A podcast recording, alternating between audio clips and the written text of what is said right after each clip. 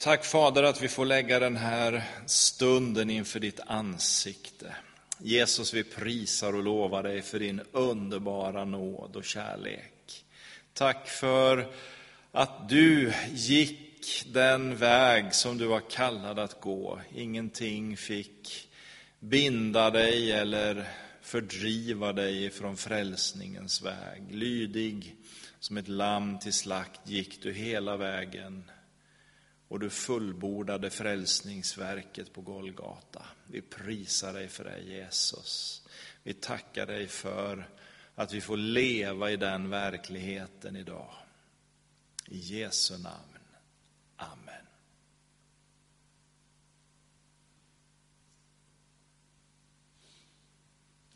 Jag fick lite ångest plötsligt men jag tror att jag ska göra så.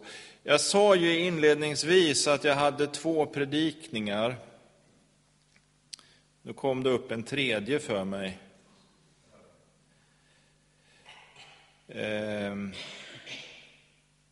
Men jag känner att jag tar nummer två. Det är farligt. Ja, alltså jag hade förberett en predikan, men jag, jag, kände eh, när jag kom hit i morse att jag varit så osäker. Eh, och sen när jag bad så upplevde jag att Gud sa att den ska komma som bibelstudium om några veckor istället.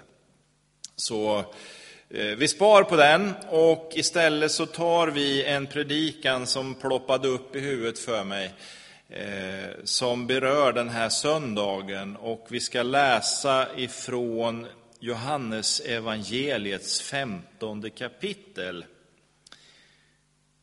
Du känner väl till den här texten som Jesus berättar. Jag är den sanna vinstocken och min fader är vingårdsmannen. Varje gren i mig som inte bär frukt skär han bort och varje gren som bär frukt rensar han för att den skall bära mer frukt. Ni är redan nu i kraft av det ord som jag har talat till er. Ni är redan nu rena i kraft av det ord som jag har talat till er. Förbli mig, så förblir jag i er. Liksom grenen inte kan bära frukt av sig själv, utan endast om den förblir i vinstocken, så kan inte heller ni det, om ni inte förblir i mig. Jag är vinstocken, ni är grenarna. Om någon förblir i mig och jag i honom bär han rik frukt, ty utan mig kan ni ingenting göra. Om någon inte förblir i mig kastas han ut som en gren och torkar bort, och man samlar ihop sådana grenar och kastar dem i elden och de bränns upp. Om ni förblir i mig och mina ord i er, så be om vad ni vill och ni ska få det. Min fader förhärligas när ni bär rik frukt och blir mina lärjungar. Liksom Fadern har älskat mig, så har jag älskat er. Bli kvar i min kärlek. Om ni håller mina bud förblir ni i min kärlek, liksom jag har hållit min faders bud och förblir i hans kärlek. Detta har jag talat till er, för att min glädje skall vara i er och för att er glädje skall bli fullkomlig. Detta är mitt bud, att ni ska älska varandra så som jag har älskat er. Ingen har större kärlek än att han ger sitt liv för sina vänner. Ni är mina vänner om ni gör vad jag befaller er. Jag kallar er inte längre tjänare eftersom tjänaren inte vet vad hans herre gör. Vänner kallar jag er, ty allt vad jag har hört av min fader har jag låtit er veta. Ni har inte utvalt mig, utan jag har utvalt er och bestämt om er att ni skall gå ut och bära frukt, sådan frukt som består, för att Fadern må ge er vad ni än ber honom om i mitt namn. Och där befaller jag er att ni ska älska varandra.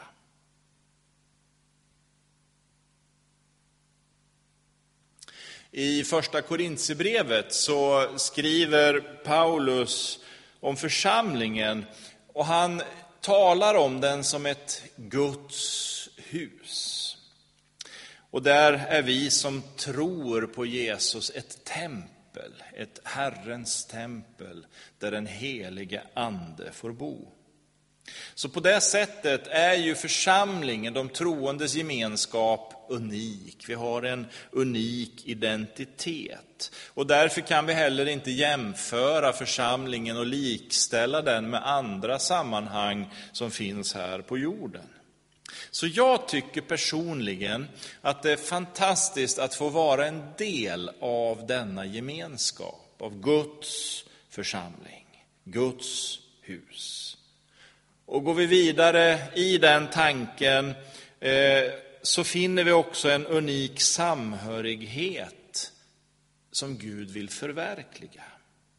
Och att tala om enhet idag, ja, det är ju en utmaning på många sätt. Dels för att vi lever i ett samhälle som på många vis försöker att eh, hela tiden ställa människor och företeelser emot varandra. Men också för att vår tid mer än någon tid betonar det egnas värde. Man framhåller jaget.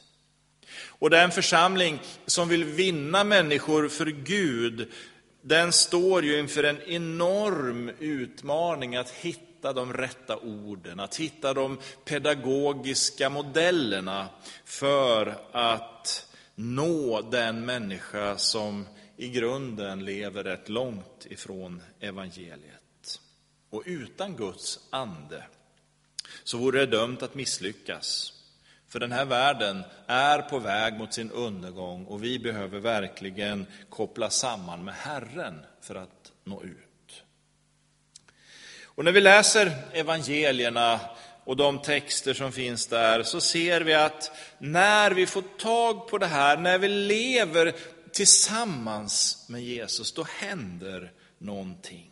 Livet blir annorlunda, livet blir alldeles speciellt och unikt. För där finns inte bara en väg till överlevnad, framför allt så behöver vi ju förstå att där finns en väg till seger. Till seger i Guds namn. Därför säger Jesus i dagens text, Be mig om vad ni vill och ni ska få det. Det betyder att det är just där vi har den här nyckeln som vi behöver. Nyckeln för att lyckas med det uppdrag som Jesus har gett församlingen, gå ut och vinn ännu fler människor för mig. Att vittna om frälsningen i Jesus så att människor räddas till en evighet i himlen och gemenskap med Gud. Att tala om enheten i Kristus är därför inte bara en fråga om att tala om enheten oss emellan, som är hans folk. Vi behöver också förstå att vi själva är förenade med Jesus själv. Och för att illustrera det så använder nu Jesus bilden av trädet. Och så säger han att varje gren som bär frukt behöver vara förenad med stammen. Och det vet vi ju från vårt idoga arbete i trädgården att så är det ju med kvistar och grenar som har fallit av från trädet. De torkar, de dör, de kan inte leva. Bladen vissnar och allt förmultnar med tiden. Om en människa vill leva behöver hon därför vara förenad med den källa som ger upphov till liv och som kontinuerligt fyller på med den kraft som vi behöver för att leva. Och därför så börjar Jesus med orden Förbli i mig, så förblir jag i er. Det börjar med Jesus. Att förenas med Jesus. Inte så att han gör någonting i mitt liv utan min vilja och utan min vetskap. Det börjar med mig att jag fattar beslutet att tillhöra honom. Inte som ett känslomässigt rus i salighet, utan snarare som ett medvetet val i mitt sinne. Ungefär som Petrus svarade när Jesus frågade vem han är. Vi tror och vi förstår att du är Guds helige. Då händer någonting. När vi lever med den bekännelsen och övertygelsen, då är vi inte längre främlingar för Gud. Den synd som allt sedan Adams tid hade separerat människan från Gud blir plötsligt överbryggad och Jesus säger, ni är mina vänner. Vilka underbara ord Jesus, världens frälsare, säger, du är min vän. Du är inte en slav, du är inte en främling, du är hans vän. Och det Fadern har gett till Sonen, Jesus, det ger nu Jesus vidare till var och en som hamnar i detta vänskapsförbund. Och det här är inte något filosofiskt, det här är inte något teoretiskt eller teologiskt. Den kristna tron kan allt för många gånger behandlas just som en idé eller som en tanke. Inte minst för oss svenskar som är uppfostrade i ett samhälle som på allt sätt präglas av ateistiska och humanistiska idéer. Argument mot den kristna tron som Tingsten och Hedenius hade förde, fördes ju på ett intellektuellt plan och det präglar hela vår akademiska värld och hela vårt offentliga samtal idag. Mediafolk, lärare, kulturpersonligheter och allsköns olika kategorier av människor har medvetet eller omedvetet påverkats av de här tankarna. Varför också många kristna i sin iver att möta dem går in på deras planhalva och så gör man kristendomen till en teori. Och så har det i sin tur börjat influera och påverka församlingar. Men Jesus är ingen teori. Jesus är ingen idé, han är ingen filosofisk, teologisk tanke, Jesus är ju inte bara vägen och sanningen, han är livet. Han är konkret och verklig. Och han är en person som söker efter människor över hela vår värld. Och när vi får tron, när vi erövrar tron och kommer till honom så säger han, du är min vän. Du är min älskade vän. Och så förvandlas livet. I gemenskapen med honom präglas vi allt mer och vi formas av vår Herre. Och så skriver Paulus att den som är i Kristus är en ny skapelse. Det gamla är förbi, det är borta. Nu har någonting nytt kommit. Nu har vi blivit en ny människa. När jag talar om budorden så kan jag röra vid frågan om, och nu får ni ursäkta mitt ordval, men då brukar jag ibland röra vid frågan om vad jag kallar för det idéhistoriska paradigm som vi lever i. Och jag ser, ni förstår direkt vad jag menar. Det är lite dumma ord så här, men det handlar alltså om de ideologiska tankar som präglar vår tid och vår kultur och vår omgivning. Hur lätt vi förlorar innebörden av det bibliska när vi talar om det här med att älska till exempel. För vår tids syn på kärlek är väldigt självisk. När människor idag talar om kärlek är det ofta vad man själv får ut av någonting. Till exempel en relation. Den gudagivna kärleken, agape, är precis tvärtom en utgivande kärlek. Att ge av sig själv. Därför säger Johannes i sitt första brev att kärleken består inte i att vi har älskat Gud, utan i att han har älskat och gett sin son till försoning för våra synder. Och så återkommer den tanken i dagens text när Jesus säger, detta är mitt bud, att ni skall älska varandra som jag har älskat er. Det vill säga utgivande. Även om formuleringen är lite knepig och sammanhanget ett helt annat, så behöver vi förstå att de här orden behöver läsas med Andens ljus över innebörden. För det är han som för oss in i hela sanningen. Och när vi kommer ifrån det hållet, med den heliga Ande som chaufför, då förstår vi att Jesus inte talar om någon lagiskhet som kräver vår kärlek till medmänniskor för att vi ska få förbli i hans kärlek. Vad Jesus talar om är en trons frukt. Precis som han har tagit upp när han talar om att vinstocken, ja det är han och vi är grenarna. Och om vi förblir i honom och han i oss, då bär vi rik frukt. En frukt som förhärligar Fadern. Och denna nya skapelse som vi blir när vi ger våra liv till Jesus har också nya ögon.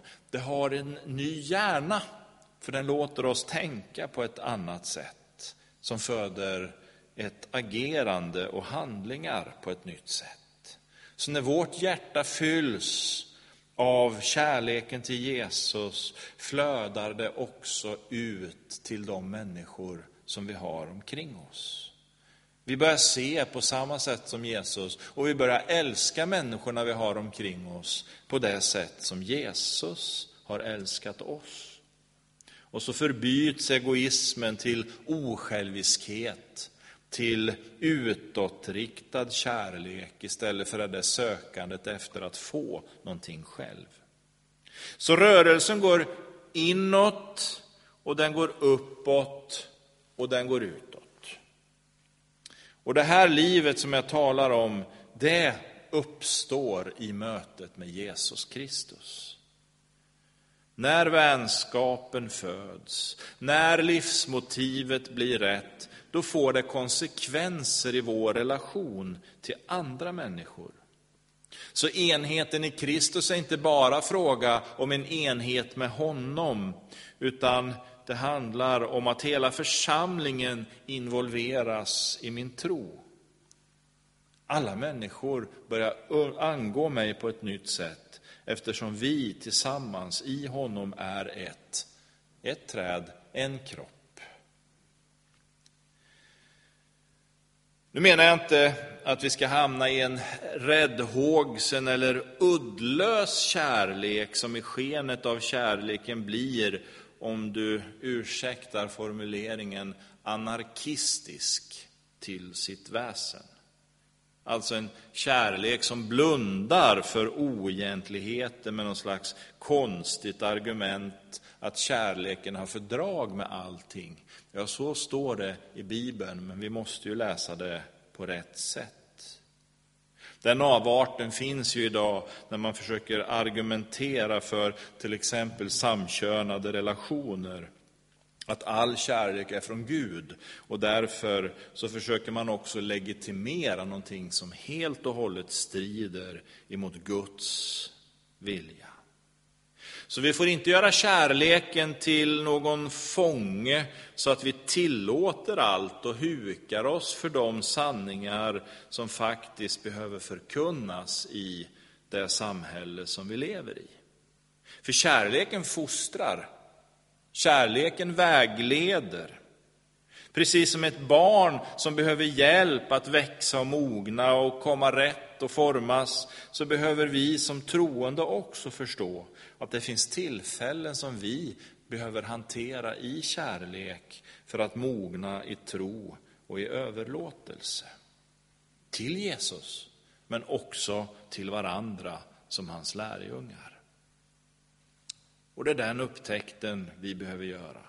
Bortom vår vilja att se på den egna agendan eller subjektiva tolkningen av den kristna tron, där finns det en djup och stor hemlighet bakom orden och vetskapen att vi i Jesus är förenade i ett syskonskap som världen aldrig kan förstå.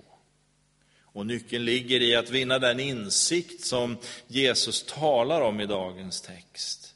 En djup förening med honom så att de rätta motiven föds i våra hjärtan. Där börjar det, i gemenskapen med Jesus. När vi vinner den insikten och lever i den överlåtelsen kan vi också se att evangeliets sanningar blir synliga för världen.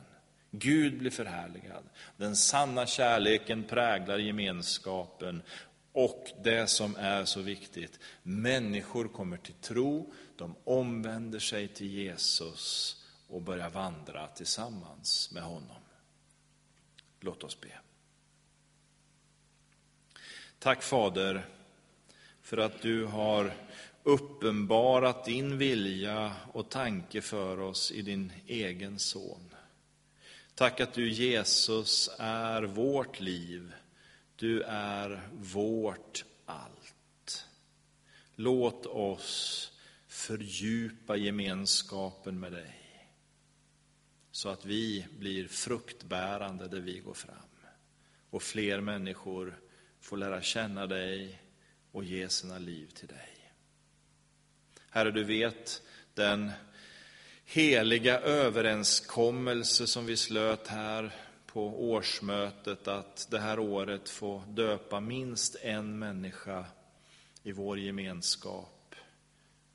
Vi påminner dig om det och vi ber att du ska visa oss vägar till den eller de människor som du har en plan för just denna tid. Din äran och makten från evighet till evighet.